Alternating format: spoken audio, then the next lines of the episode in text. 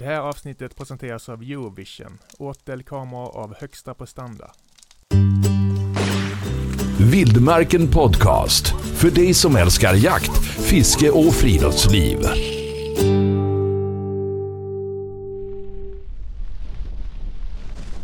På toppen i Turkiet, på jakt efter anatolisk gems. När Jens Kjær Knudsen för första gången åkte till Turkiet för att lägga ner sin sjätte underart av gems, den anatoliska, så gick han på pumpen upp i bergen. Men skam den som ger sig. Gemsarna befinner sig på den gräsbevuxna sluttningen mellan två bergskammar som faller ut och ner från bergstopparna några hundra meter längre upp. Terrängen är brant och gemsarna är fortfarande för långt ut för att Jens Kjær Knudsen ens ska överväga att skjuta någon av dem. Han vill komma närmare och sitter med trumf på hand. Dels har de ingen aning om vår närvaro, dels har Jens turkiska guide, Kamil Liligum, radiokontakt med en annan guide, Seki Celik, även kallad befälhavaren, på bergskammen på den motsatta sidan. Över radion berättar den sistnämnde att gemsarna rör sig neråt mot ett område där terrängen inte är fullt lika utmanande. Denna bergsjakt ser faktiskt ut att kunna bli nästan för lätt. Men även om det ser lätt ut här och nu så är inte fallet så om man ser det från ett större perspektiv. I själva verket har Jens varit här förr, i precis dessa berg och på precis samma ställe, för ungefär sju månader sedan. Den gången kom han, under den första jaktdagen av fem, nära en ensam gemsbock. Den befann sig på samma ställe som gemsarna huserar på just nu, men eftersom det vid tillfället rörde sig om ett ungt djur så bestämde han sig för att vänta.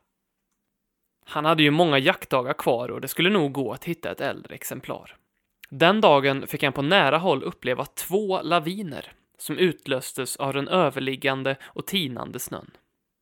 En lavin rasade faktiskt ner för just det berg där han hade varit 20 minuter tidigare och lite senare var det dags igen, några hundra meter nedanför honom. De resterande dagarna av resan drunknade dock i och under en snöstorm och när det äntligen klarnade upp under den sista dagen så stängde myndigheterna jakten i bergen på grund av lavinrisken. Vid tillfället hade det fallit 60 cm nysnö över den gamla, ruttna snön och den sista dagen på jaktresan i mars utmynnade därför i ett nästan hopplöst försök att hitta gems i de lågt belägna skogsområdena. Det enda de hittade var ett purfärskt spår efter björn som precis hade lämnat vinterdvalan, men Jens såg aldrig till den, vilket var symptomatiskt för den resan. Från lätt till svårt. Läget är helt annorlunda den här dagen i början av oktober. Jens och Camille ska bara upp ungefär 200 meter och sen röra sig lite åt vänster för att komma till skottläge. Om hongemsen, som håller vakt från sin position ute på klippan, rör sig nerför åsen till de övriga djuren i flocken, så är det fullt möjligt att komma in på 50-100 meter, ett scenario som man under normala omständigheter sällan upplever under den här typen av jakt. Men även det scenariot ändrar sig snabbt, på någon sekund, till en typisk situation i bergen. I samband med att vinden sveper förbi så får Gems en vittring och ger ifrån sig en varningssignal. Kort därefter kan vår befälhavare på andra sidan berget genom en knastrig radioförbindelse meddela att djuren har gått över den högsta punkten på bergskammen. På några ögonblick går jakten från att vara alldeles för lätt till att bli till synes ohyggligt svår. Camille vet att gemsarna ofta brukar stanna för att äta vid en liten sjö på andra sidan toppen. Under de närmaste timmarna följer därför Jens sin guide upp genom branta passager och över stigande klippor. Steg för steg närmar de sig långsamt platsen där djuren förväntas befinna sig. Vid många tillfällen går de genom ankeldjup tösnö som stövlarna trycks ner i, samtidigt som de håller balansen med den oumbärliga vandringskäppen. På vissa ställen är det så brant att en liten koncentrationsmiss och den därefter följande glidturen genom snön kan få allvarliga konsekvenser. De befinner sig på drygt 3000 meters höjd och vår danske jägare verkar lida lite av den tunna luften. Snart får dock Camille syn på flocken. Han guidar runt Jens på en inte helt ofarlig tur runt den sista och högsta toppen i bergsmassivet. Och nu är de på rätt plats. En strapatsrik tur har nått sitt klimax. Skottet, det som krävt två resor till Turkiet, kan snart avlossas. Lavinbergen. Den här jakten på anatolisk gems, som är en av tio underarter av gems, äger rum i Kashgarbergen i nordöstra Turkiet, nära gränsen till Georgien. Fritt översatt betyder Kashgar bergen där snön rinner, eller ännu mera fritt översatt, och apropå turen i mars, Lavinbergen. Både guider och jägare bor under jaktturen i en hundra år gammal stuga som är belägen på det lummiga gräset på sluttningarna. Stugan ligger på en höjd av 2600 meter. Här är luften torr och trots hyttens patina och trångboddhet så känns den på inget sätt inhuman.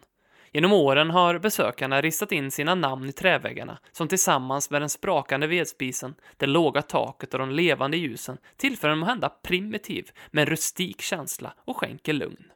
Bock eller hona? På ett ställe lite ovanför Gemsflocken genomför ett par ungar en illusorisk framtida kamp om flockens honor. Just nu kan kampen betraktas som en barnslig lek, men med tiden kommer den bli både allvarlig och dödlig. Brunstkamper hos de vuxna är spektakulära och ofta väldigt cyniska. Vid tillfället finns det dock inga tecken på att den kommande brunsten påverkar flocken, förutom en bock som turligt nog för Jens har lämnat flocken. Hos gems, där båda könen har horn, kan det vara svårt att skilja honor från bockar. Och eftersom Camille inte verkar ha någon större erfarenhet vad gäller att välja rätt djur och för övrigt inte talar annat än turkiska, så är det upp till Jens att välja ut djuret som man vill nedlägga. Han tar sig tid att välja ut bocken som han vill ha. Till en början är den inte ens synlig, men när den så småningom träder fram efter att ha gömt sig under klipporna, så lägger Jens an. Tiden är inne. Ska det skjutas, så ska det skjutas nu. 45 kilo på ryggen. Skottet går, gemsbocken faller på plats. Den rullar ner en bit från berget samtidigt som flocken upplöses i en vild flykt uppför de branta sluttningarna vid skottplatsen. Gemsunderart nummer sju är hemma. Den fälldes på 3200 meters höjd med ett fint skott och efter en mycket intensiv jakt som gick från att vara lite för lätt till att bli väldigt utmanande. Nu återstår bara för vår guide, befälhavaren, att ta sig hit. Och vägen, som tog Jens fem timmar att avverka, klarar den magra och benhårda guiden på mindre än en timme. När han väl är framme avlöser han Camille, som på egen hand burit det ungefär 45 kilo tunga djuret från dalen där det fälldes. Befälhavaren spänner fast djuret på ryggen och gör klart för Jens att resan neråt, precis som resan uppåt, kommer att bli en svår utmaning. Inget moment har varit lätt under denna gensjakt och vår bergsjägare visar upp ett trött leende när han följer efter guiderna. De är på väg till en välförtjänt gryta med vitlök, kokt över vedspisen i den lilla hyddan, precis som benhårda, kyliga bönder och bergsjägare har gjort under de senaste hundra åren. Vildmarken Podcast. Hitta fler avsnitt och ta del av vårt digitala magasin på vildmarken.se.